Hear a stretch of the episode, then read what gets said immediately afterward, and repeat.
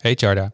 Hey Jos. Hey, hoe is het? Ja, gaat goed. Ja? Ja, We mogen vandaag tot tien uur, hè? daarom. Ja, helemaal blij, helemaal blij. helemaal, helemaal blij. Hoe is het met jou dan? Ja, goed. Ja, ik eh, heb eh, de zoveelste Groundhog Day vandaag gehad. Ja, je bent niet anders gewend meer inmiddels, nee, toch? altijd hetzelfde cirkeltje met Ja. eh, wakker worden thuis, aan het werk thuis en weer op bed thuis. Maar Ja. we hebben vandaag wel podcasts, heel leuk. Daarom. En het is maandag, dus dat is ook weer wat anders. Dat is ook weer wat anders. Ja, oké. oké, maar welke dag van de week het is, dat, daar, he- daar heb ik steeds minder mee nu. Nee, maar normaal zitten wij met de podcast op woensdag. Dus Is dat, dat zo? breekt bij mij dan de week. En dat nu is het beginnen schema. Dat was me echt nog niet opgevallen. we. Wijken er wel eens vanaf, maar goed. Gaan, Ik, ik dacht dat jij wel zou beginnen op het feit dat, eh, eh, dat ik niet meer in Groningen woon. Ik was daar een beetje durf je bang daar voor. gewoon voor uit te komen? Ja. Ik wist niet Ja, dat, dat, ja, eh, dat, dat, dat je dat zomaar mocht zeggen. Nou ja, ik dacht, ik, ik doe er ook niet meer zo moeilijk over. Dus eh, Ik zag dus vandaag op, op, eh, op LinkedIn dat de nieuwe projectmanager van de GGD Drenthe, die ken jij ook. wie is dat dan? Die werkt vroeger bij Peperzaken en die is er toen weggegaan. Oh, oké. Ja, Ja, Ik ga straks vertellen wie dat is. Oké, en dan word je niet blij. oké, mooi. Dit is een mooi begin. Dat is een heel mooi begin. Ja. Hey, en we gaan het vandaag hebben over eh, waarom hebben zeepaardjes wattenstaafjes nodig? Ja, want er zijn onnoemelijk veel foto's van een zeepaardje in de zee met een wattenstaaf. Ja, Ja, en eh, we hebben het Matthijs ook gevraagd en die heeft het in zijn column zelfs opgenomen. ja ik vond hem echt geweldig, maar we gaan hem Ik straks ook, nog luisteren. Ja, dus hij komt helemaal aan het einde. Dat is bijna over een uur, dus jullie moeten het allemaal volhouden tot Ja. over een uur. Oké, nou, ik ga instarten. Helemaal goed.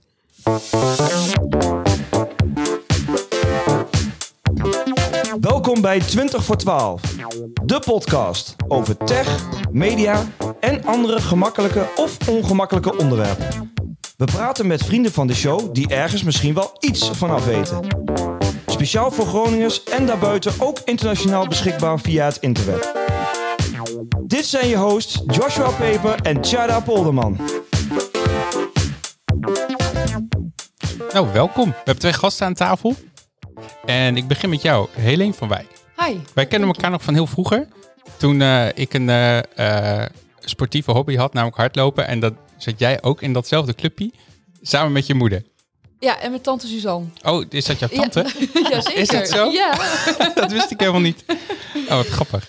Maar eh, ja, dus vond dat, eh, daar kennen wij elkaar van. ja. Maar zo zit je hier niet aan tafel. Nee, Want- wel de groetjes van mijn moeder. Nou, de, groet- de groetjes terug. Kijk, ze- kijk ze nu ook live mee? Moeten we nou ook zwaaien? Deze gaat terugluisteren. Oh, terug Ja, luisteren. Ja, ja, ja. En Zoals het echt hoort bij een podcast. Ja. Steeds meer mensen kijken ook namelijk. Ja, klopt. Dus ze moeten af en toe ook even zwaaien naar de camera. Oh, ja. Maar ehm, eh, jij bent eh, de co-auteur van Plastic Bedankt.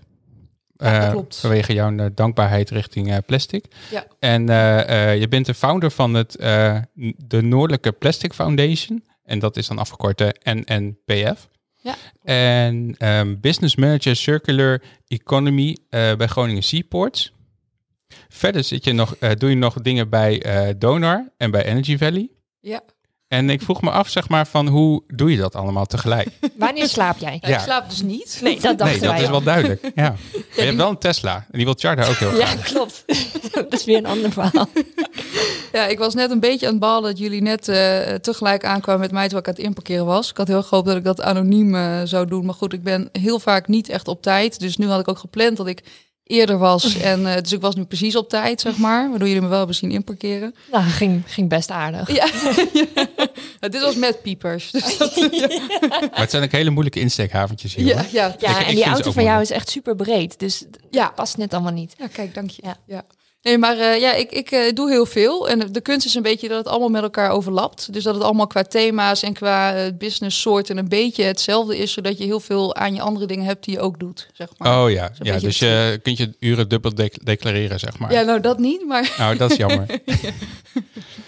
Ehm, wat, wat, ehm, eh, em, ja, dan heb ik zoveel vragen tegelijk, moet ik even één uitkiezen. Ehm, wat, wat doe jij, wat is een, een business manager circulaire economie? Ja, Wat een- doe je dan? Ja, dat is een hele mond vol. Eh, dat houdt in dat ik bij Groningen Seaports eh, verantwoordelijk ben voor eh, de recyclingklanten die we in de haven hebben. Dus dat zijn verschillende soorten fabrieken die we hebben.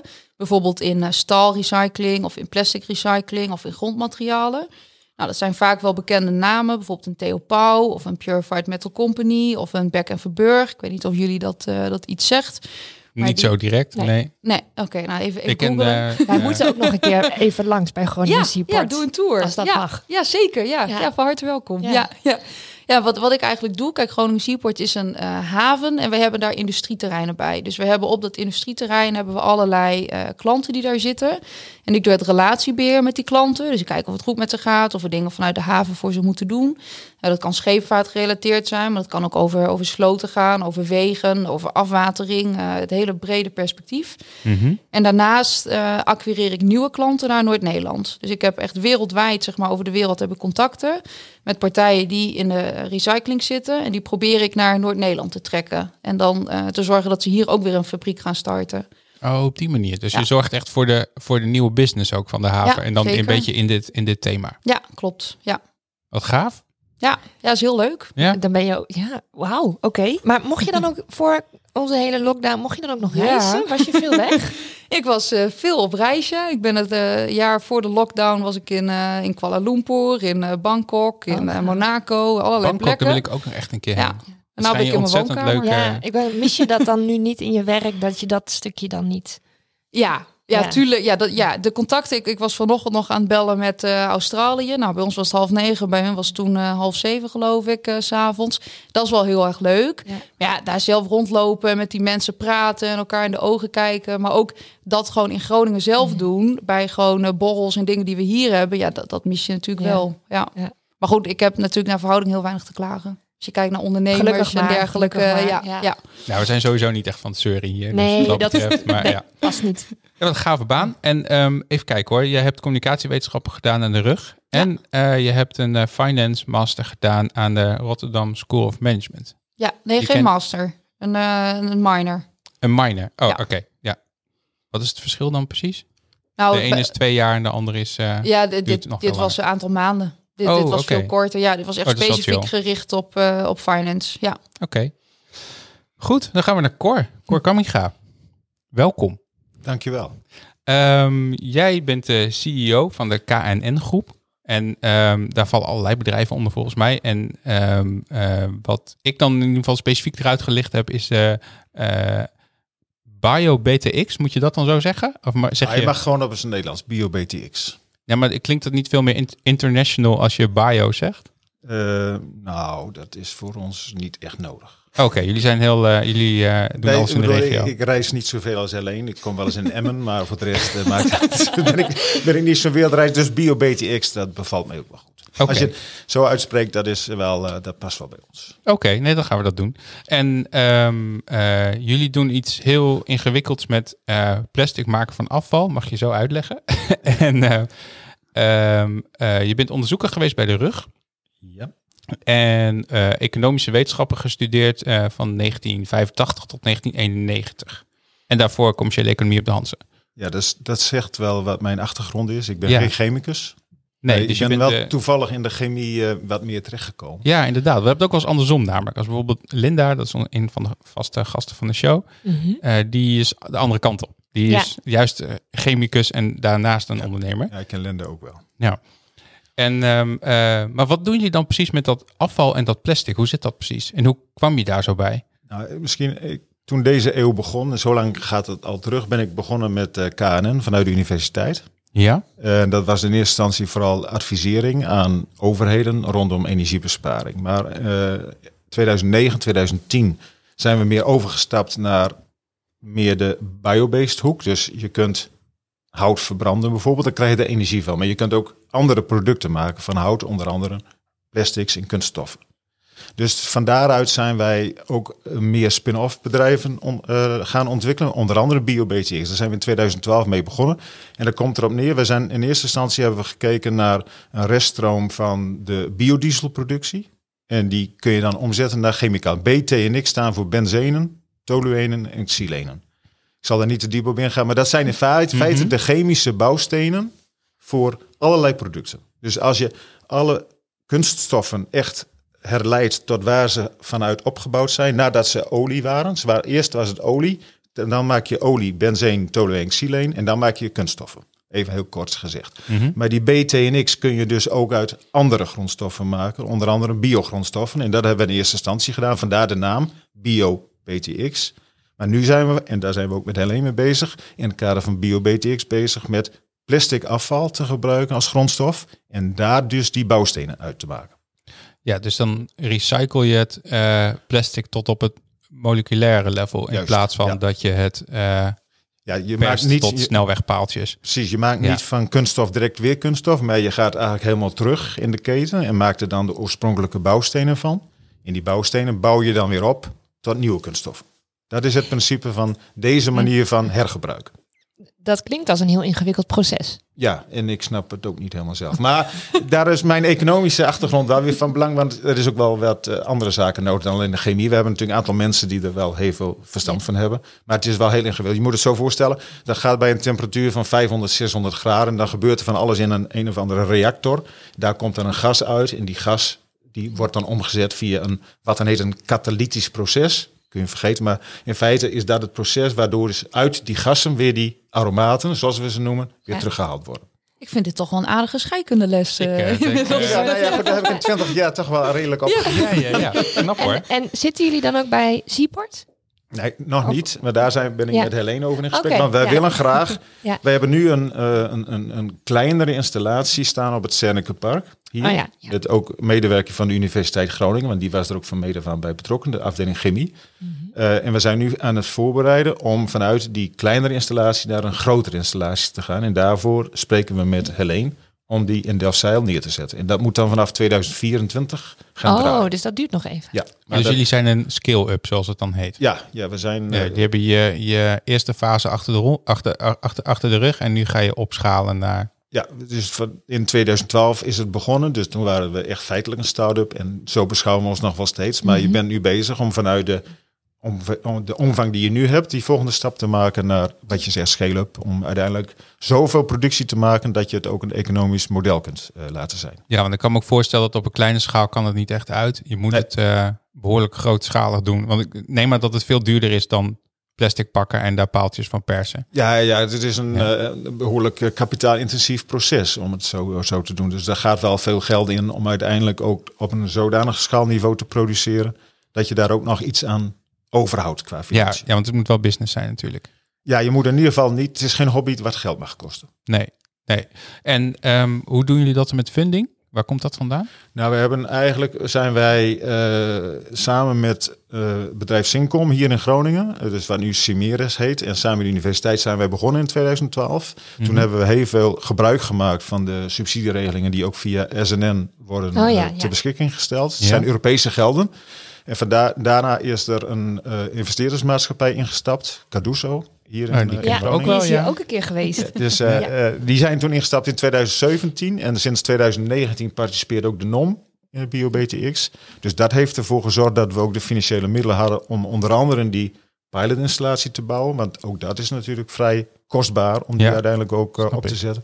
En nu zijn we bezig om extra gelden te vinden en te acquireren. Zowel op eigendomsniveau, dus dat er meer partijen ook instappen om mede-eigenaar te zijn, als andere type financiering. Om uiteindelijk die redelijke hoeveelheid geld die nodig is voor uiteindelijk die opschaling ook bij elkaar te krijgen. En even voor, voor mijn beeldvorming en die van de luisteraars. Hoeveel kost het dan als je in eh, Delft, eh, Delf, Delfzijl, of nou, dat, dat is eigenlijk niet zo, de Eemshaven.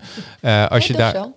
Jij hoort het bij Delfzijl? Ja, ja, ja, zeker. Ja. Oké, hebt Toch goed, Jos. ik Ja. het wel goed. Ja. Indicatief, een Ja, indicatief. meerdere tientallen miljoenen. Meerdere tientallen miljoen. Ja, dan dan moet, moet je ook wel even op zoek gaan. Ja, Dat ja nee, niet, dat is, eh, dat ja. is niet zo. Dat is niet, Nee. geen, zijn geen vijf telefoontjes. Nee. Nee, en ook meer dan, meer dan vier eh, Tesla's.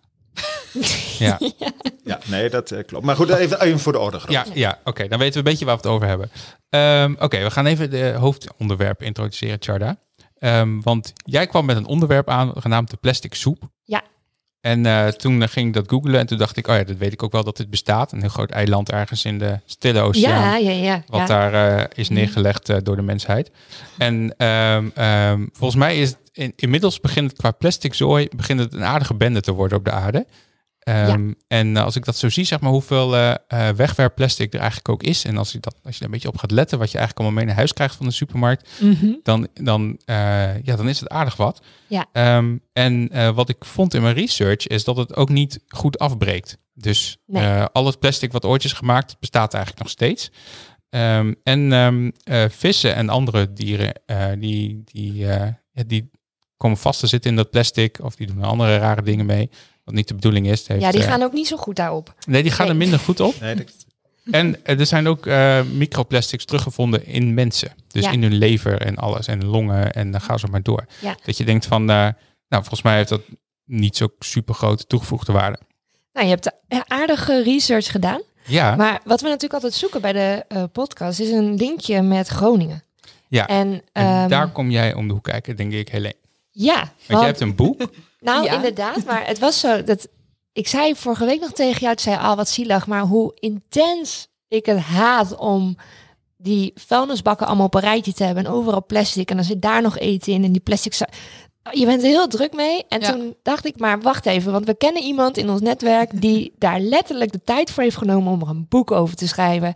En dat was jij, Helene. Ja, dat klopt. En ehm, we zitten samen in een groepsapp waar je dat in noemde. En toen dacht ik, oké, wacht, het is, eh, het is een pandemie. We zitten allemaal thuis. Je, schijnbaar had je tijd over. Ja, het- zo is het inderdaad begonnen. Ja. En toen bedacht je, ik ga een boek schrijven over plastic. Hoe is dat ontstaan?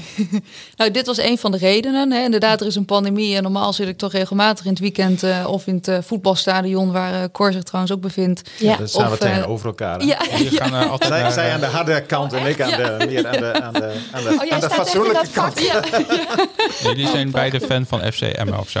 Nee, Nee, ik ben, nee. Oh, ik ben van oorsprong, eh, ik ben van oorsprong, dat moet ik er Ja. altijd bij zeggen, ben ik eigenlijk Feyenoorder vanuit mijn familie. Dat Ja. weet iedereen ook op de setsite. oké. Maar mijn hele vriendengroep die zit op de setsite. Mijn familie Ja. komt allemaal uit Emmen. Die zijn allemaal voor FC Emmen. Dus daar zit ik ook een aantal keer per Ja. jaar. Maar eh, ik ben, heb inderdaad seizoenskaart op de setsite van FC Groningen. Dus dat, Ja, eh, daar kun je dus nu niet heen. Nee, klopt. Dus dan blijft de tijd over. En toen ben ik eh, samen met Janneke Kuiper. Eh, we hadden al de Northern Netherlands Plastic Foundation opgericht. Ja. En daarbij focusten we ons heel erg op het maatschappelijke vlak van plastics. Ik zie natuurlijk heel erg in mijn werk de industriële kant. Hè, en hoe we dat op kunnen lossen. En hoe we kunnen kijken naar recycling. Alleen die verbinding leggen met eh, de nieuwe generatie. En trouwens ook de oude generatie. Wat we vanuit eh, onszelf kunnen doen. En vanuit de maatschappelijke hoek. Die miste ik nog heel erg. Mijn werk is natuurlijk heel erg zakelijk. Dat vind ik heel erg leuk. Alleen ik wou ook daarin wat doen. En toen zijn we de NNPF op gaan richten. En toen hadden we zoiets van, dus zijn we challenges gaan organiseren. En World Cleanup Day. En weet je wel, en veel eh, roeptoeteren met allerlei Ja. tips en dergelijke. Maar we dachten eigenlijk is het... Plastic is best wel een heel erg ingewikkeld verhaal. En we zijn ooit ergens begonnen in 1800 hè, met, met bakkeliet wat ooit ontworpen werd. En nou ja, goed, dat staat ook allemaal in het boek. Ja, Maar eh, uiteindelijk zijn we nu heel veel jaren later aangekomen op een punt waarvan we allemaal zeggen: hey, plastic soep is vreselijk, eh, de wereld gaat eraan zo'n beetje. Alleen hoe komen we daar en hoe, hoe komen we daar vooral weer vanaf? En Ja. toen dachten we, ja, je kan wel een keer een challenge doen of iets dergelijks, maar eigenlijk is dit vooral wat dieper. En hoe brengen we dat nou over de bühne op een grappige, leuke manier? Want niemand gaat, een, ja, sommige mensen wel, maar dat is vaak niet onze doelgroep, nee, een heel lesboek lezen erover. nee. Dus toen zijn we gaan schrijven. En toen zijn we eigenlijk zelf eh, alles gaan googlen. Ik, had, nou, ik heb zelf inderdaad ook geen scheikundige achtergrond. Maar ik werk wel veel met scheikundigen. En dan wil je toch wel eh, alles snappen en, en mee kunnen praten. Dat is altijd wel een beetje mijn handicap dat ik dat graag doe. Dus eh, toen dacht ik, nou, ik ga gewoon heel veel googlen. En dan schrijven we gewoon alles op wat we googelen. En dan zetten we dat in makkelijkere woorden, in onze eigen woorden. Ja. Nou ja, en zo kwam langzaam steeds meer het, eh, het boek in beeld. En we zeggen inderdaad plastic bedankt. Want ik vond wel grappig wat jij net zei, Jos. Het breekt inderdaad niet af. En dat was natuurlijk oorspronkelijk ooit heel erg goed eraan. En dus plastic bedankt is ook niet een sarcastische titel. Hè. We menen dat echt. Plastic heeft heel veel voor de mensheid gedaan. Economische ontwikkeling, eh, hygiëne, de medische wetenschap heeft heel veel gehad aan plastics. Maar er is nu wel een moment dat we er anders mee om moeten gaan met z'n allen. En dat we... we moeten het in ieder geval niet allemaal in de oceaan flikkeren. Nee, precies. Eh, dat, dat, dat is niet de oplossing in ieder Stap geval. één. Ja, stap 1. Niet allemaal in de, in de zee pleuren. Ja. Maar ehm, ehm, ja, hoe stel ik deze vraag nou goed? Ehm, er is dus wel, er is dus wel heel veel plastic wat dus elke dag in de zee gegooid wordt op de een of andere manier. En dat komt met rivieren mee of dat slaat overboord eh, bij eh, schepen. Nou, dat is volgens mij een heel klein deel. Ja. Het meeste is gewoon zeg maar plastic zakjes en wattenstaafjes en dat soort troep. Ja. Want eh, eh, als, als, als, als ik even buiten kijk, zeg maar, dan zie ik bij ons helemaal niet zoveel plastic in de, in de, in de sloot liggen en zo. Dus waar komt nou al dat plastic wat daar drijft, waar komt dat allemaal van, van, van eh, Daan? Dat, dat vroeg ik me af, want het is zoveel. Ja. Ja, het is heel veel. Nou, ja, dat is natuurlijk uh, dat is wisselend. Hè. Je ziet heel vaak lekkage vanuit grote steden en ook vanuit de rivieren. Hè. Het is altijd, het begint ergens voordat het, het wordt niet rechtstreeks in de oceaan gegooid. Want daar kom je ook niet. Tuurlijk heb je wel een keer een, uh, zoals een MSO-ramp, wat natuurlijk vreselijk was. Hè, wat in de Waddenzee uh, containers overboord sloegen. Maar heel veel komt ook vanuit, vanuit de, de steden naar de rivieren. En dan gaat het door naar de zee. En in de weg daartussen is het al in veel kleinere stukjes vaak afgebroken. En het breekt ook af. Hè. Het, het, breekt wel deels af in het milieu, of het breekt in stukjes, maar het breekt niet echt af. En dat is ook juist zo uh, gevaarlijk eraan, want daardoor krijg je uiteindelijk krijg je microplastics. Kijk, je hebt in de zee natuurlijk in die die gyres die, uh, die iedereen wel kent vanuit de Ocean Cleanup, heb je hele grote stukken plastic drijven. Maar waar ook vooral het gevaar is en hoe wij ook vanuit de mensheid het, uh, het in ons krijgen. Want inmiddels eten we allemaal, zegt men, een creditcard per week, letterlijk, aan plastic. Ja. Oké, okay, dat vind ik echt veel. Ja, en ook wel een beetje verontrustend ja. natuurlijk. Uh, ja. Maar is dat heel erg slecht voor Alleen je, je kunt er niet mee betalen, alleen hè? Nee, nee, nee als dat nou zo was. nou, ik dacht dat jij allemaal grondstoffen zocht. Ja, ja dat kan dus niet als ik dat bij jou inleef. Bij, ja. bij iedere mens een creditcard per week halen. Nou, ja, dat, nou, dat zijn aardig wat volgens mij. Ja, ja. Maar ja. um, uh, dus die, die, die plastics die in de zee ronddrijven, die, drijven, die, die breken volgens mij door de zon, uh, breekt het ook af. Ja, uh, dus dan valt het steeds vee, verder uit elkaar. Ja. En um, dan krijg je dus allemaal van die microplastics. En die, dat zijn zeg maar de, de kleine atomische deeltjes. Ja, die zijn niet meer zichtbaar en die, nee. en die komen dan dus in de voedselketen. Want uiteindelijk ja. komt dat via de vissen en dat gaat dan geleidelijk aan verkleinen en groter en dan groter. En dan komt het uiteindelijk weer in de menselijke consumptieketen terecht. Maar is dit... Is, is dat stukje nog op te lossen? Of is dat al, uh, dat, dat moeten we nu gewoon accepteren dat, uh, dat de rest van de, hey, dat de mensheid er is, is dat, op het, te lossen. dat we het allemaal eruit filteren? Ja, zeker. Ja, ja, je hebt nu initiatieven die natuurlijk microplastics of die uh, macroplastics eruit filteren, zoals de Ocean Cleanup. Ja, die met zo'n schip vanuit San Francisco. ja, met, met van die armen. Arm. Ja. ja. maar je hebt het. ook aan onze eigen Universiteit van Groningen heb je Fion Ferreira. Dat is een Ierse student en die heeft een uitvinding voor microplastics. Dus die kan ook echt, hè, die staat nu aan het testen.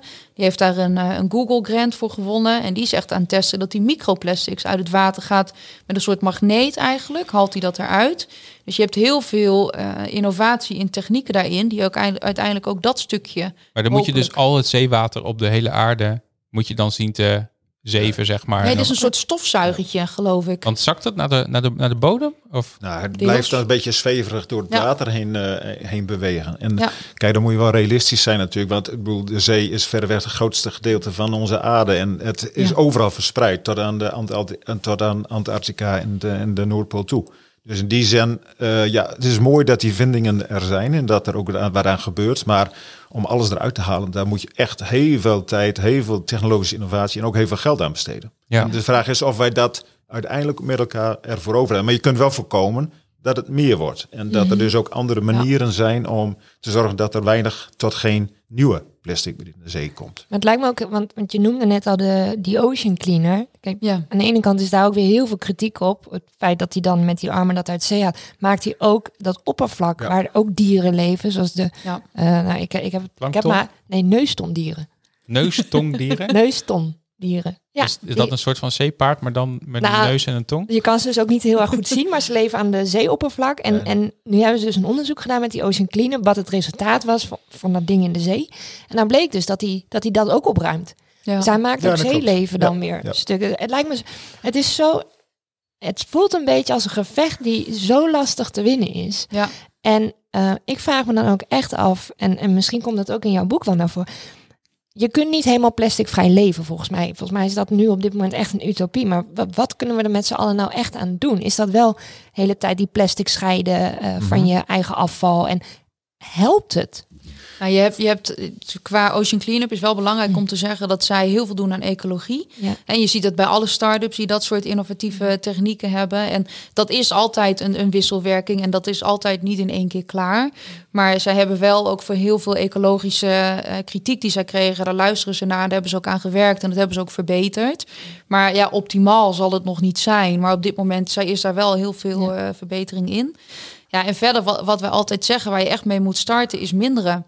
Eigenlijk Ja. is uiteindelijk zijn alle klimaatproblemen, wereldproblemen op te lossen door te minderen. Hè, minder, eh, minder vaak douchen, minder, minder hoog je verwarming doen als je kijkt naar energiebesparing. En bij plastics is dat minder gebruiken. Dus geen single-use plastics. En eh, als je dan al plastic gebruikt, gebruik dan plastic wat je heel vaak kan gebruiken. Hè? Wat Ja. je in de Tupperware bakjes die Ja. ik enorm promoten in mijn, eh, in mijn boek, maar dat heb ik van mijn moeder eh, Ja. meegekregen. Tupperware had je Tupperware parties, toch? Ja, die hadden wij Ja, thuis. ja, Ja, ja. zeker. Ja. Ja. Ja, en de Tupperware is dus van de Nederlandse markt af. Die kun je Ja. dus niet meer krijgen. Dus die Ja. hele feestjes eh, met eh Tupperware en zo, dat is niet meer. Ja, maar mijn moeder heeft dan een connectie in Duitsland. En op die manier Dat is ook nog weer wel. Dus gisteren een nieuwe broodtrommel aan mij geshowd. Die is van Tupperware.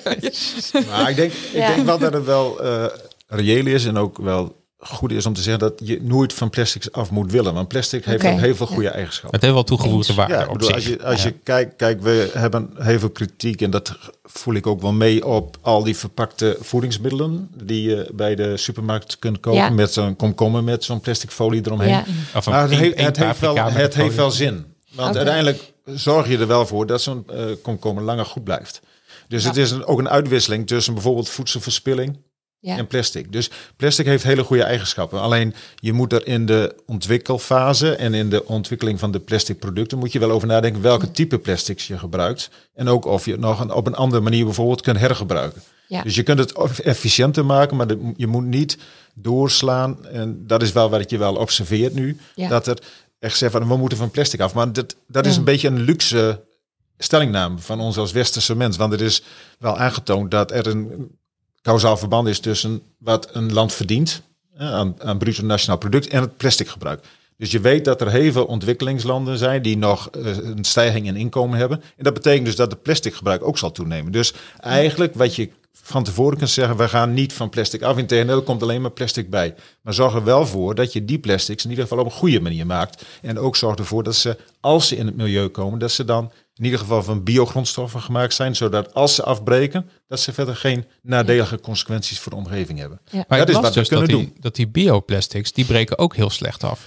Eh, Ja, er zijn soorten bioplastic. Als je het hebt over de meest gangbare bioplastic, wat met een vakterm de PLA heet, de polymelkzuur. eh, dat is een plastic die, als je die in het water gooit, dan vind je die over een jaar of twee of vijf nog terug. Want daar gebeurt niks mee. Het enige voordeel van PLA-verpakking is dat als je ze op kleinschalig niveau inzamelt en composteert, dus bij zev- 70 graden. Compostering is een industrieel proces waarin je organisch restafval composteert tot nieuwe bodemverbeteraar. Ja, dan moet je dus bij het eh, groen afval moet je Ja. het dan gooien, zeg maar. Hier, heb, die hebben wij ook eh, thuis van die GFT-zakjes. Ja. En mits die GFT-zakjes maar door de shredder gaan, zodat ze in kleine stukjes worden vermalen. En dan komen ze bij de afvalverwerker. En dan bij 70 graden, dan wordt dat in feite gewoon omgezet naar organisch materiaal. Wat je kunt hergebruiken. Alleen in een natuurlijke omgeving zal er niks mee gebeuren. Dus dan is dat net zo schadelijk en ook net zo blijvend als gewone fossiel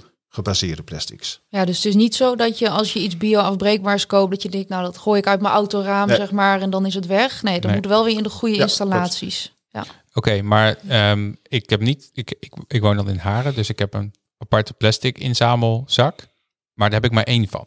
Dus ik, ik, weet, ik weet niet zeg maar welk plastic dan ik bij de groenafval moet gooien en welke ik dan bij de rest van het plastic gooi. Gaat dat dan allemaal automatisch goed? Gaan ze dat dan uitzoeken? Nou, eh, je kunt ook veel aan nascheiding doen, maar eh, bij ons in de gemeente heb je ook dat je, wat dan heet voorscheiding, dus dat je zelf als burger eh, bepaalde types kunststoffen nog voor die tijd scheidt van je restafval.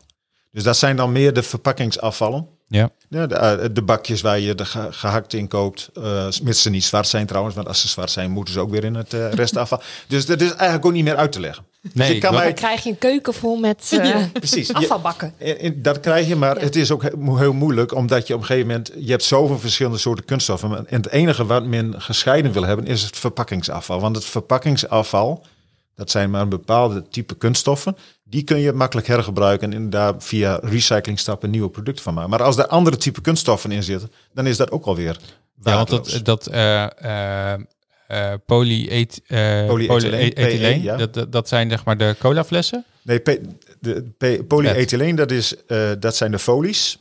Dus dat is echt het dunne, knisperende spul. Dat, Ja. dat is hebben eh de groente, PE. groentezakjes. Ja, dat is PE. Ja, die kun je dus, waar je dus de appels en de peren in doen, dat is PE. Dus dat is eh, foliemateriaal. Eh, waar je de flessen van maakt, dat is PE plus een T erachter. Dus dat is dan PET. Mhm. En dat is dus in feite die plastic fles die je koopt. Ja. En die de kun je ook weer gescheiden inzamelen. Dus al, al die, dat is eigenlijk een van de meest zuivere retourstromen van plastic. Is dat als je je colafles terugbrengt, dan gaat die ook weer terugkomen in het nieuwe proces om daar nieuwe PET plastic van te maken. Ja, dat zijn de statiegeldflessen. Dat zijn de statiegeldflessen. En daar komt nu in Ja. feite ook die halve liter flessen bij. Want tot voor kort was het alleen maar die anderhalve liter flessen waar statiegeld op zat. En de staatssecretaris heeft aangegeven dat er ook op 50 centiliter flesjes nu ook statiegeld Ja, en op komen. blikjes ook. En ook op blikjes. Alleen Ja. dat is dan weer een andere Ja, dat is een andere Ja, dat snap ik. Ja, en, Plastic heeft ook vaak een code erop staan. Dus een code 1 tot en met 7. En per code betekent het dan of PET of het betekent LDPE of eh, code 7 is dan overig. En we hebben bijvoorbeeld in ons boek ook in de achterkant hebben we een bijlage waarin je precies kan zien, hey, welke code, wat is dat dan? En waar kan je dat dan naartoe brengen? En waar is het van gemaakt? En wat zijn dan de voorbeelden bijvoorbeeld? Want je ziet wel, ja, mensen zien door de boom het bos niet meer echt, inderdaad. Eh, het, het voordeel is, heel veel mensen die denken, hé, hey, ik gooi heel veel dingen in één vuilniszak en ik gooi het weg en dat is het dan. Maar tegenwoordig zijn gemeentes eh, verplicht tot dan wel bronscheiding, dan wel nascheiding. Dus als je bijvoorbeeld in Noord-Nederland eh, je afval weggooit, heel veel gemeentes hebben bijvoorbeeld een contract met eh, Omrin, dat zit dan in Heerenveen. En die doen Ja, aan ik, nascheiding. Dus dan breng je daar, het afval gaat daar naartoe. Maar zij gaan daarna zelf nog de kunststoffen uit dat afval halen. en dan scheiden ze ook zeg maar de verschillende kunststoffen nog Ja, van dat wordt dan weer opgewerkt. En daar is, is weer een combinatie eh, die ze dan zoeken met partijen die dat verder gaan recyclen. En op die manier wordt het dus al, hè, word je als burger ontzorgd en worden dus verder weggezet in de keten. Atero in, eh in Wijssen, die doet dat ook al een aantal jaar. EW in Delfzijl doet dat op dit moment nog niet, maar die zijn nu hun scheidingsinstallatie aan het ontwerpen. En dan zie je eigenlijk dat bij de noordelijke eh, drie afval-energiecentrales, heet dat dan, je kunststoffen dus er al uit worden gehaald. Dus dat scheelt je als burger ook weer een heleboel eh, stress. Hè? Want wat je ook wel hebt, is dan denk je ook, gooi mijn, eh, mijn plastic bekertje weg. Maar dan zit je klokhuis er nog in van de appel of zo. Ja. En dan gooi je Ja. het op die manier. Hè, dus om dat soort dingen te voorkomen, eh, doen we heel veel aan nascheiding tegenwoordig. Maar is het dan nuttig? Want, want ik hoor wel eens mensen zeggen, ja, maar als ik het nu zo inleef, ze gaan het toch zelf nog eens een keertje checken. Dus waarom zouden we het dan? Ja, nee, ik ben zelf wel voor voorscheiding, want ehm, dat geeft ook een stuk bewustzijn naar de mensen. Ja. Kijk, want waar we nu, we noemen nu al een aantal afkortingen, waar misschien al de luisteraars van denken van, waar, waar gaat het over? Ben het kwijt. Bedoel, er- zijn, bedoel, en het probleem is ook nog een keer dat verschillende plastics ook nog een keer verschillende soorten bij elkaar combineren. Wat dus helemaal niet meer recyclebaar is. Dus eigenlijk in de hele eh, bewustwording van, de, eh, van consumenten, van waar gaat het überhaupt over als je het over plastic hebt, is het wel van belang dat je ook de mensen aanspreekt op hun eigen gedrag en hun eigen invloed daarop. Ja. En als je dat alles technisch achteraf gaat doen, ja, dan, dan blijft er niks hangen bij mensen. Nee. Ja, goed punt. En dus in die zin denk ik dat voorscheiding meer is dan alleen maar het verzamelen van het materiaal, maar ook het bewust laten zijn van mensen van, kijk, welke type kunststoffen eh, heb je? Want iedereen kan het woord plastic uitspreken, maar er is maar weinig bekend over welke soort plastic er is en welke combinaties ervan zijn en welke echt de problemen zijn met plastic. Nou, ik schrik er wel gewoon van hoor. Ook als je kijkt, eh, door corona zijn we natuurlijk ook met z'n allen veel meer gaan bestellen. Nou, dat verzamel je om in huis. En als ik zie hoeveel je eigenlijk, eh, als je s'avonds gaat koken, hoeveel plastic je letterlijk van je eten afhaalt. ja, ja, ja. Nou, Ik heb inderdaad ook altijd zo'n bult in mijn hoek, in de, in de hoek van ja, het aanrecht liggen. en dan van, ga oh, ik dit dat, moet eh, in die zak. En als ik dan klaar eh, ben, dan ruim ik alles op. En denk ik ook weer van, nou, dat is een aardige stapel voor het feit dat ik eh, Ja, eh, geen zin had om zelf groente Ja, maar het te is echt, echt, echt verbluffend hoeveel plastic je per dag overhoudt. En als je daar echt bewust op bent en, en echt gaat naar kijken, ja, overal zit plastic omheen. En het heeft soms wel een functie, maar het kan soms ook wel anders. Ja. ja. Als je nu kijkt naar het nieuwe product eh, voor, voor de huidverzorging, met name eh, de shampoo en dergelijke, die Happy Soap eh Ja. eh, eh, eh, Ja. C-blokjes. Ja, mijn vrouw heeft ze nu ook.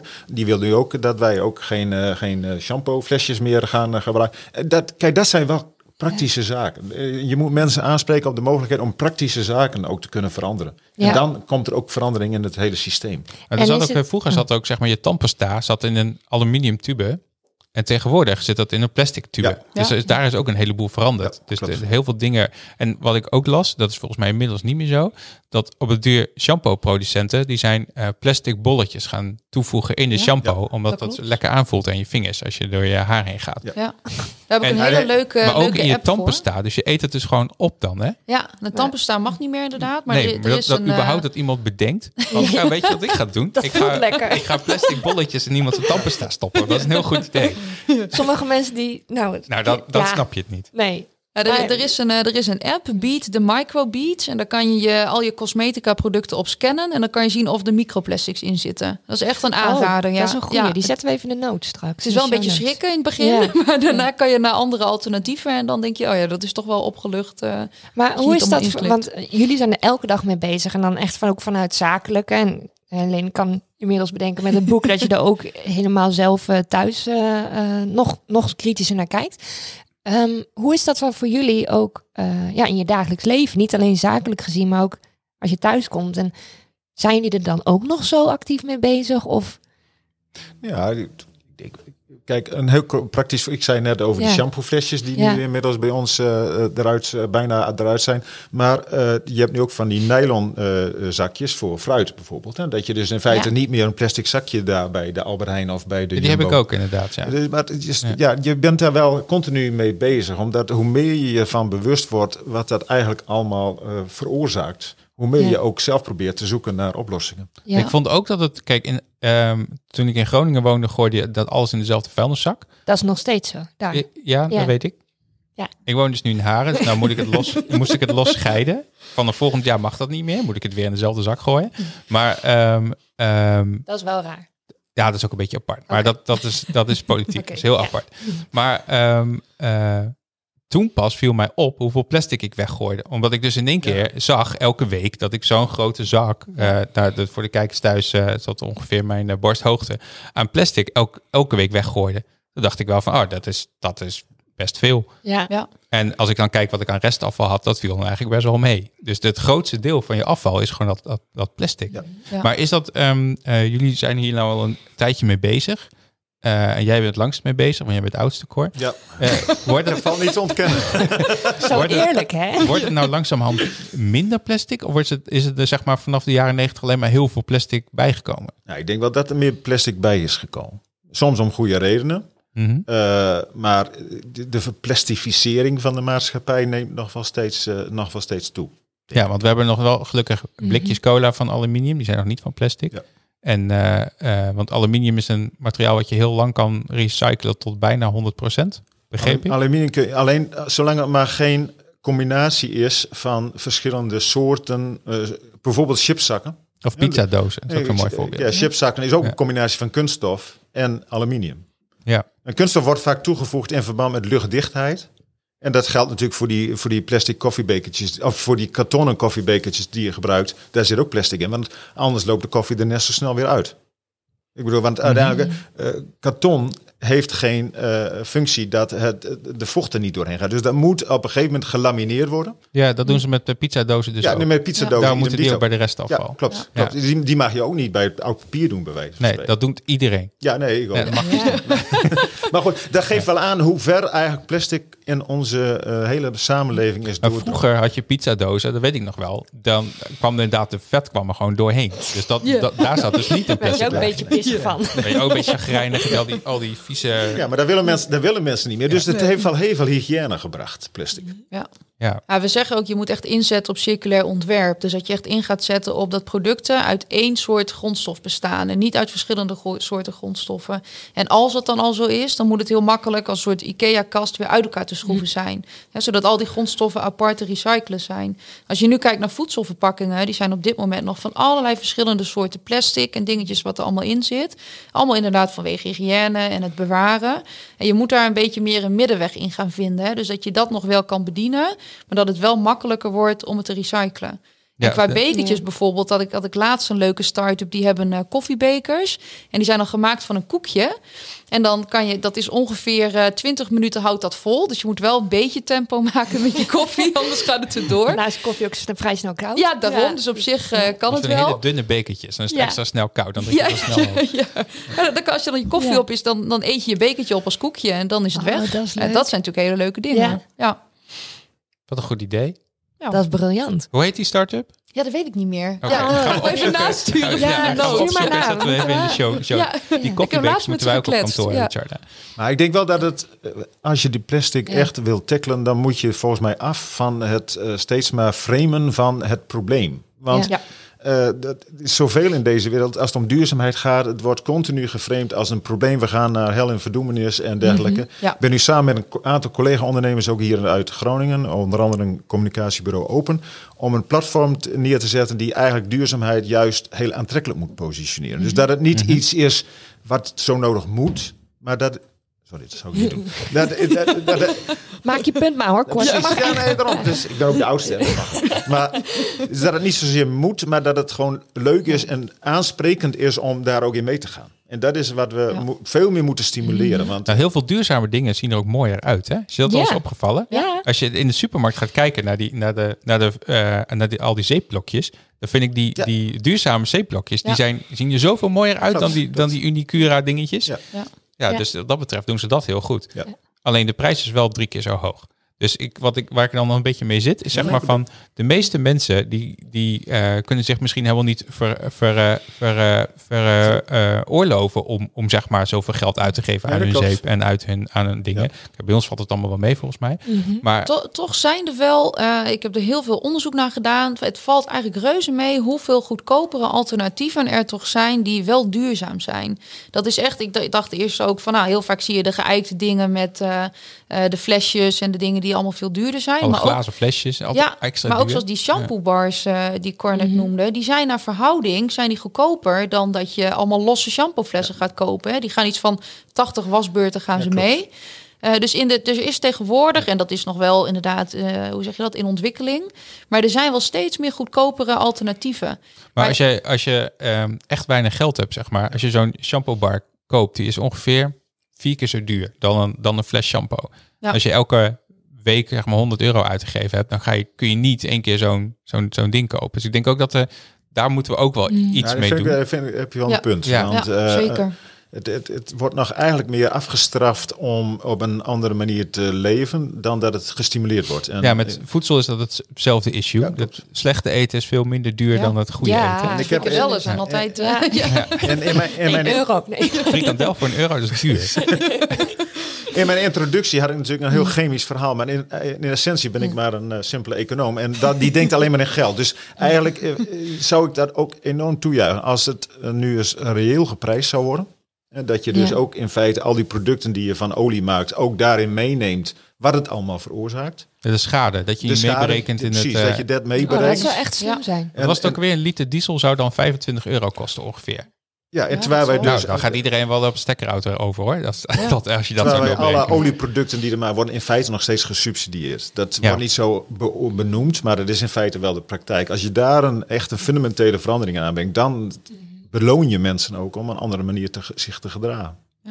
En uiteindelijk komt het toch wel bij de mensen uit die zich in hun gedrag op de een of andere manier niet moeten aanpassen, maar daar ook actie op willen doen om zich aan te passen, zodat je eigenlijk naar een veel gezondere wereld toe gaat. Maar ik vind het zo raar dat, zeg maar, dat het, eh, het aan, aan, eh, aan, aanbod slecht eten, dat, eh, eh, en, en slechte plastics en eh, dat soort dingen, eh, dat is gewoon minder duur. En daarom gaat iedereen daar maar mee door, want dat verkoopt dan beter. Dat is natuurlijk ook een beetje hoe onze maatschappij werkt. Dat is een beetje heel filosofisch misschien. Maar ehm, eh, daar moeten we ook iets mee. Ja. Dat je dus gaat betalen voor de schade die je veroorzaakt met eh, bepaalde ver, verpakkingsmaterialen. Want ehm, ik weet ook niet, zeg maar, of het afvalstoffenheffing, of dat een beetje dekkend is voor alle troep die je weggooit. Of ze Nee, daarvoor en, wel... en denk eens bijvoorbeeld aan als je bij eh, AliExpress bestelt aan de CO2-uitstoot die je ook nog weer krijgt door. Het kost eh, maar een kwartje, hè, hier helemaal heen eh, versturen. ja, ja, precies. Dus we zeggen vanuit circulaire economie ook, het moet ook niet alleen gaan om het circulaire materialen, maar je moet ook kijken echt naar een kringloop-economie, zeg maar, in je eigen regio. Hè, dus kijken hoe je je grondstoffen zoveel mogelijk in je regio houdt, je producten in je regio maakt en ook je afval weer in je regio verwerkt. En dat is natuurlijk ook iets, ja, dat is natuurlijk heel erg verleidelijk om te denken, even op AliExpress eh, Ja, ja. scheelt heel veel euro's en het is, eh, nou, ja, het is niet heel snel vaak, maar het is Ja, dan kom je heel veel op... hebben eh, mensen dan ook nog wel weer. Ja. Dan moet je weer een paar weken wachten omdat het Suezkanaal dicht is. Ja, precies. Ja. Het is allemaal omvaren. Ja.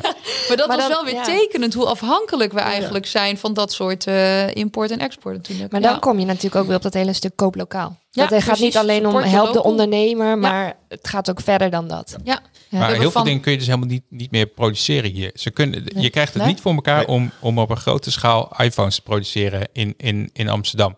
Dat wordt hem gewoon niet. Nee. Nee. En, en dat kosten eh, technisch. kost het, kost het technisch inderdaad, want dan zou zo'n telefoon zou het al vijf keer zoveel kosten. Maar ook Ja. qua aanvoerlijnen, eh, schroefjes maken, nou dat doen we hier niet. Die komen ook al uit China. Die chipjes produceren, nou, die komen allemaal uit eh, Taiwan, bij Mhm. TSMC vandaan. Nou, en zo heb je dus die, die, die, die hele. Dat Ja. alles komt uit Azië. Ja. Dus alles moet hier eerst naartoe en dan kunnen we het maken. Ja, het is ook weer een, een eh, goed punt wat je aansnijdt qua e-waste. Want we hebben het nu natuurlijk over plastic. Maar ja, we willen natuurlijk allemaal om de twee jaar een nieuwe telefoon, een nieuwe laptop. Hè. Daar zijn de telefoons ook haast op gebouwd eh, qua updates en dergelijke. Maar als je kijkt hoeveel e-waste we met z'n allen genereren, en dat is nog weer moeilijker. Dat kan Eh, heel moeilijk uit elkaar gehaald worden inderdaad. Ja, Ja, ook Ik heb een keer met iemand Ja. van Viro gepraat en dat is echt eh, praktisch uitdaging. onmogelijk om al die chips en dingetjes. Want er Ja. zit op zo'n chipje, daar zit natuurlijk weer een plastic covertje overheen en weet ik het Ja. allemaal. Dat moet allemaal uit elkaar. Ja, precies. En eh, voor onze luisteraars ook, hè? En nou ook wel persoonlijk. Ehm, als je nou zegt, oké, ik wil echt meer doen en ik wil het in dit geval beter doen dan dat ik het nu doe. Hebben jullie tips waar te beginnen? Ja, we hebben vanuit NNPF toevallig de eh, duurzame dinsdag tip van de week. En die hebben we elke twee weken op dinsdag. En dat is een hele eh, praktische tip. En dat is voor Noorderlingen door Noorderlingen. Dus we hebben elke twee weken een andere Noorderling. En dat zijn heel vaak mensen die helemaal niet in de circulaire economie of iets dergelijks werken. En die zeggen, hey, ik doe dit thuis. Nou, we hadden twee weken geleden hadden we opeens een foto van een meneer onder de douche. Inderdaad, van die.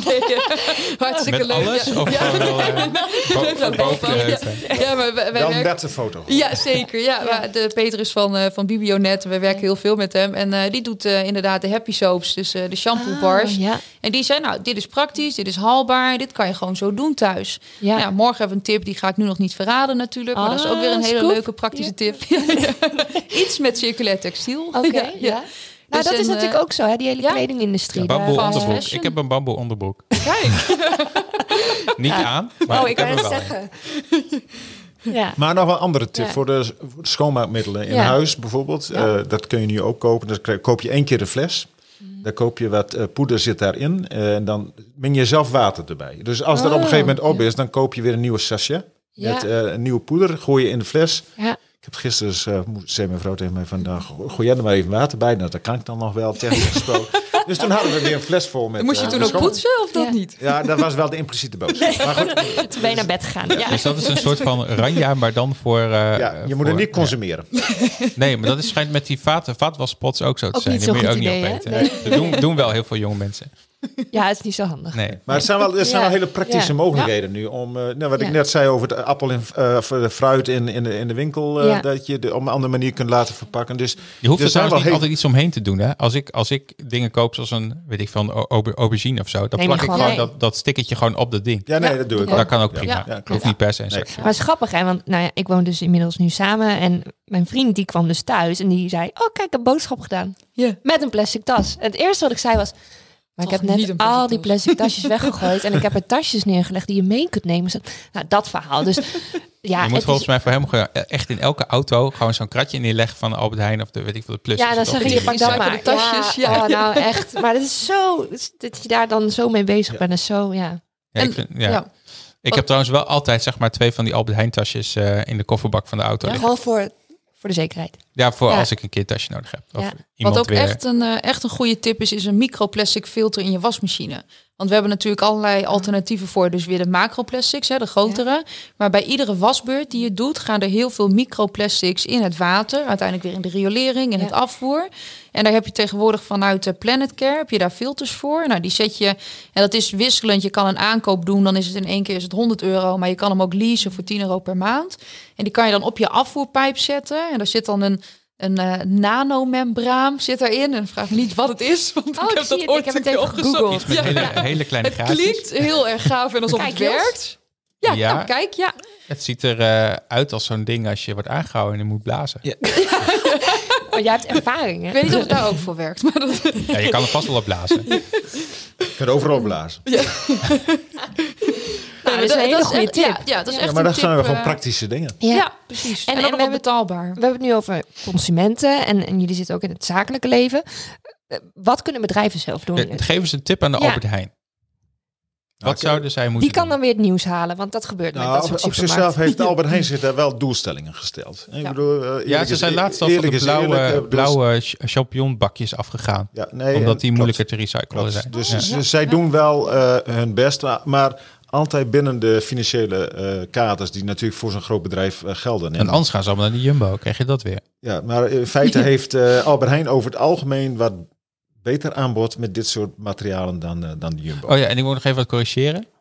Ze hebben wel biologische Avocado's. avocado's, bij de Goeie, Albert. Ik Ja? heb de vorige keer zei ik dat niet zo is, Oké, het is wel zo. Oh, God, je, je, je kreeg een boos mailtje vanuit. Nee, nee, dat niet eens. Nee, nee. je bent Ik zelf kreeg- op onderzoek uit. Nou, ik kreeg een, een appje van iemand.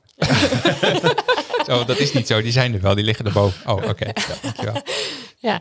Nee, maar goed, kijk. Maar op- die, die is daar dus beter. Dus je kan beter de Albert Heijn dan naar de, naar de Jumbo. Nou, in ieder geval voor wat betreft eh, ook biologisch voedsel. En, en dat is een beetje Ja, dat is dezelfde hoek. Eh, ja. ik bedoel, dat Ja. is, de, de- de Albert Heijn is daar, eh, eerlijk is eerlijk. Ik kom ook niet zo vaak bij de Albert Heijn, omdat ik daar ook, ja, dat... dat- je gaat toch als, naar de supermarkt die dichtstbij is. Als je het toch eerlijk bekijkt, dan doet Albert Heijn wel echt eh, Mhm. goed zijn best om daar ook wel stappen in te maken. Zowel qua voeding als ook qua verpakking. Ja, en de Ecoplaza is dan het beste, denk ik, daarin. Ja, die, Die is zo natuurlijk. ja, duur. Ja, Tenminste, ja dat, dan, daar betaal je er wel voor. Ja. Ja. Ja. En een doosje eieren, 12 euro. Nee, dat is niet zo. 1 euro per ei, joh. Eh, Bijzondere eieren, smaken heel goed. Ja, paaseieren. We hebben vanuit het, eh het Waddenfonds hebben we nu een heel leuk project dat heet eh, Van Plastic Soep naar Groentesoep. En dan kijken we met eh, Eileen Blackmore, die heeft dat project eh, heeft ze geïnitieerd. En die kijkt dan met supermarkten naar eh, die in de buurt van de kustgemeentes ook zitten, bijvoorbeeld ook Lauwersoog en dergelijke, naar biobased alternatieven voor in die supermarkt. Dus als je bijvoorbeeld naar de Waddeneilanden gaat, dat je dan een soort bio-afbreekbaar bakje meeneemt en dat je daar dan je cherry tomaatjes en dergelijke in doet. Oh, zodat goed. je dan echt een Ja. bio-afbreekbaar alternatief hebt in de buurt van de Waddenzee. Dus en volgens mij, maar dat weet ik niet zeker, dus ik neem dan een beetje risico, maar ik dacht dat daar een franchise Albert Heijn ook bij in zat. Oké. Maar dat weet ik niet zeker. Dus maar in ieder geval dat een ook maar even achteraf Ja, ja, ja, weten. ja, ja. Ja, In ieder geval een aantal lokale supermarkten. eh, zetten doen we er dan even zo'n sterretje bij. Zo, dit Ja. is niet waar. Maar ik ben, ik ben, waar ik zelf wel nieuwsgierig naar ben, is hoe je nu eh, dit soort onderwerpen, want wij zijn er bewust mee Ja. bezig en eh, we hebben ook de mogelijkheden om daar bewust eh, invulling aan te geven, maar hoe je die nu in een groep mensen krijgt die net achter die voorlopers aankomt. Eh, en want uiteindelijk zitten we, Ja, je moet op een bepaalde manier moet je de massa meekrijgen. Ja, precies, want, dat eh, is eh, hetzelfde als dat. eh, kijk, wij vinden het niet raar dat jij in een Tesla rijdt. Eh, ik rij ook in een stekkerauto. Chardai af en toe ook wel. Eh, ik weet niet hoe het met jou zit, Cor, maar dat, dat ja, ik rijd nu op een diesel. Maar goed. diesel. Biodiesel of wel gewoon. eh, oh. Maar ehm, Nee, maar dat heeft een, heeft een reden. Want ik had eh, acht jaar lang had ik een, een bio-ethanol auto. Maar dat heeft mij zoveel kijk. geld gekost. En er was geen enkele support vanuit de overheid. Dus toen heb ik gedacht van nou, nu ga ik een diesel. Een protest. hoor. Een protest. Protestauto. Je hebt een protestauto. Ja. fuck the planet. ik neem een Ik diesel. neem een diesel. Maar ehm, Maar ik, het, het voordeel, want je zei net al, ik ben verder de oudste hier. Maar dat heeft ook weer een voordeel, namelijk dat je al langer tijd meegaat. En eh, toen in 2001 was ik hier in, de, in Groningen voorzitter van de lokale agenda 21, heette dat toen nog. En toen was René Paas, eh, was toen nog wethouder milieu van de gemeente. En die gaf ons altijd opdracht mee, hoe krijg ik nu andere mensen in een tent op de vismarkt? Want als je dit soort bijeenkomsten organiseert, het zijn altijd dezelfde mensen die komen. Mhm. En daar is niks mis mee. Maar waar ik zelf eh, hoop te, nog een bijdrage aan te kunnen leveren, is dat je de hele, dit hele onderwerp op een uitdagende en inspirerende manier kunt verbreden naar een grotere groep mensen toe. Die dan zegt van ja, het is leuk, het, is, het, het, het, het, het geeft veel tevredenheid, het geeft veel plezier om ook een ander gedrag te vertonen. Want uiteindelijk kun je pas dan kun je pas meters maken. Niet met die kleine groep, relatief kleine groep, die er al bewust mee bezig is. Want ja, dan gaat ook die prijs niet naar beneden. Dan blijft het altijd iets voor de elite. Ja, ja, je Ja. moet naar de massa Ja. toe. Ja. Net als eh, met de sterke auto's. Dat was Ja. mijn punt wat ik wil maken. Ja, En dat is iets wat bijvoorbeeld een Ocean Cleaner best wel goed doet. Hè? Die maken het hele die plastic soepprobleem wel hip en happening. Hè? ja die Daar- maken daar het gelijk heel cool. wat. En je hebt ook merchandise met zonnebrillen. Zag Ja. Dus ik heb nou ook Ja. zo'n zonnebril gekocht. Ja. Alleen, die komt waarschijnlijk ook uit influencer, hè? Dus Nee, eh, ik heb hem zelf betaald, Jarda. Maar ik zeg ook niet dat dat... Oh, oké. Je Je dacht dat, hij, dat, dat ik wel allemaal gratis dingen had Nee, nee, nee, nee. Oh, ik weet dat, jou, dat jou dat niet lukt. Nou ja, zeg. Oké. Nou, zullen we dan maar naar eh Martijs gaan luisteren? Ik heb nog één vraag. Dan mag dan daar. Oké. Goed onthouden, hè? Moet je me opschrijven of Nee, niet? ik eh, heb hem helemaal ge Oké, dan gaan ga dan gaan we naar Matthijs luisteren. Is goed. Welke eigenaardige gewoonte heeft u? Eigenaardige gewoonte. Waarom denkt u dat bananen krom zijn? Krom. En wanneer voelde u zich voor het laatst buitengesloten? Buitengesloten. Dit is de 20 voor 12 Babbelbox. Babbelbox. En deze week gaat de 20 voor 12 Babbelbox over Babbelbox. Dieren. Mooi. Ik ben Martijs, de nieuwe columnist van 20 voor 12 de podcast. Ik wilde eigenlijk altijd al columnist worden, maar nu ik mijn tweede column aan het schrijven ben, realiseer ik me dat ik vooral in de toekomst wil kunnen zeggen dat ik columns heb geschreven. Tot die tijd moeten ze nog wel geschreven worden. Ik kijk naar de verfrommelde papiertjes op mijn bureau en de app en Jos. Waar gaat de komende aflevering eigenlijk over? Niet veel later verschijnen er vier foto's in de groepschat. Foto's waarop dieren heel erg hun best doen om op mensen te lijken. Een vogel in een regenjas, een zeehond en een schildpad met een fetish en een zeepaard met een wattenstaafje. Vooral het laatste is gek, want zoals Jos zegt, zeepaarden hebben helemaal geen oren.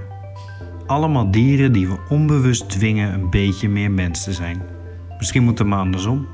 En moeten wij iets meer leven zoals ons spirit animal. Mijn spirit animal is een verwarrend beest. Dat begint al bij de naam van het dier. In het Latijn suricata suricata.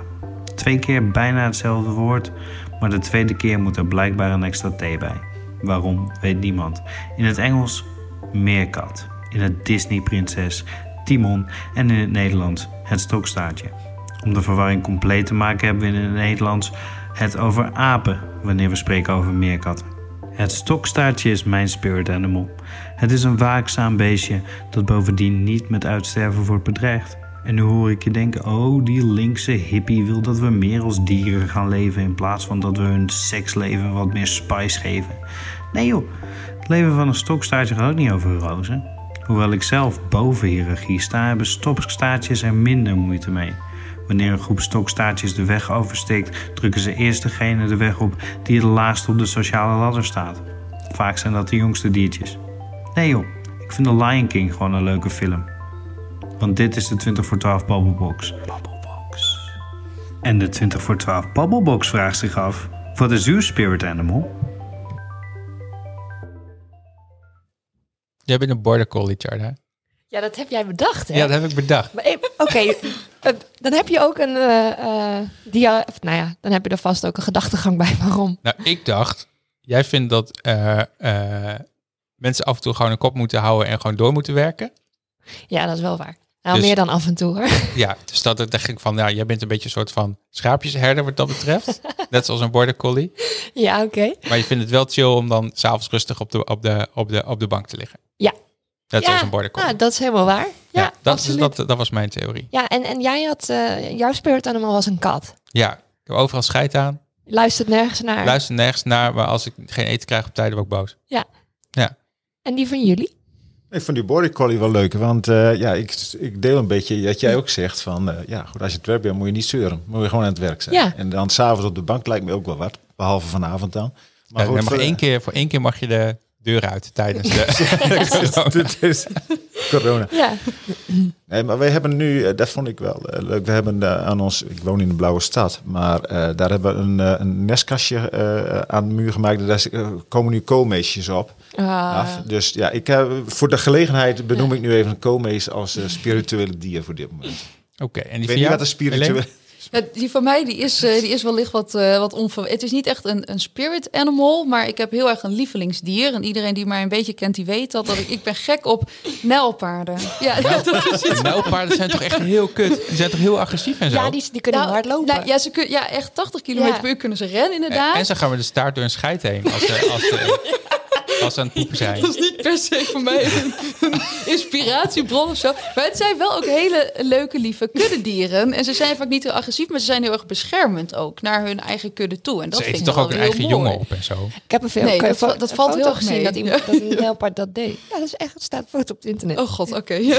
En als het op het internet staat, is het waar, hè, Tjarda? Dat weet iedereen. Ja, dat, daar geloof ik in. kijk altijd hele leuke filmpjes van nijlpaarden en Oké, dus jij bent, jij, bent, eh, jij bent fan van de Disney-versie van Nijlpaarden. Ik- ja, ik vind nijlpaarden fantastisch. Ja. Oké. Ja. Ja. Nou, ook in de, in de diertuin. Dat is altijd het eerste waar ik heen loop. De nijlpaarden. Dat is, daar zoek ik ook, als ik naar de diertuin ga, zoek ik ze ook op uit. Dat, eh, als daar geen nijlpaarden zijn, Dus dan daarom zijn de nijlpaarden altijd helemaal achterin.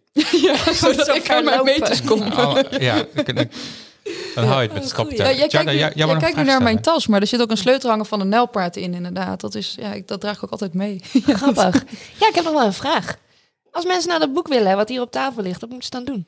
Nou, dan kunnen ze naar eh www.aboutmidori.com. Dat is onze eigen website en daar verkopen we. Maar vanaf volgende week is hij ook op bol.com gewoon te kopen. En dat is Ah. misschien wel een beetje makkelijker. Ja. En ook bij de lokale boekhandel. Dus je kan ook de boekhandel instappen en die kunnen hem dan ook voor je bestellen. Wel even bellen voor een afspraak, want anders mag je waarschijnlijk niet naar binnen. En, al- en allemaal Ja. thuis bezorgd in plastic eh, verpakking? Nee, nee, nee, Oh, absoluut niet. Nee, in duurzaam karton. Ja, ja, ja. ja. Ja, Bol.com doet altijd in van die eh, Ja, automatisch opgevouwen kleine doosjes. Ja. Zo klein mogelijk. Ja. Ja. Ja, nee, we doen dat helemaal zelf, dat inpakken en zo. Ja, Oh, echt? ja ook, zeker. ook op bol.com.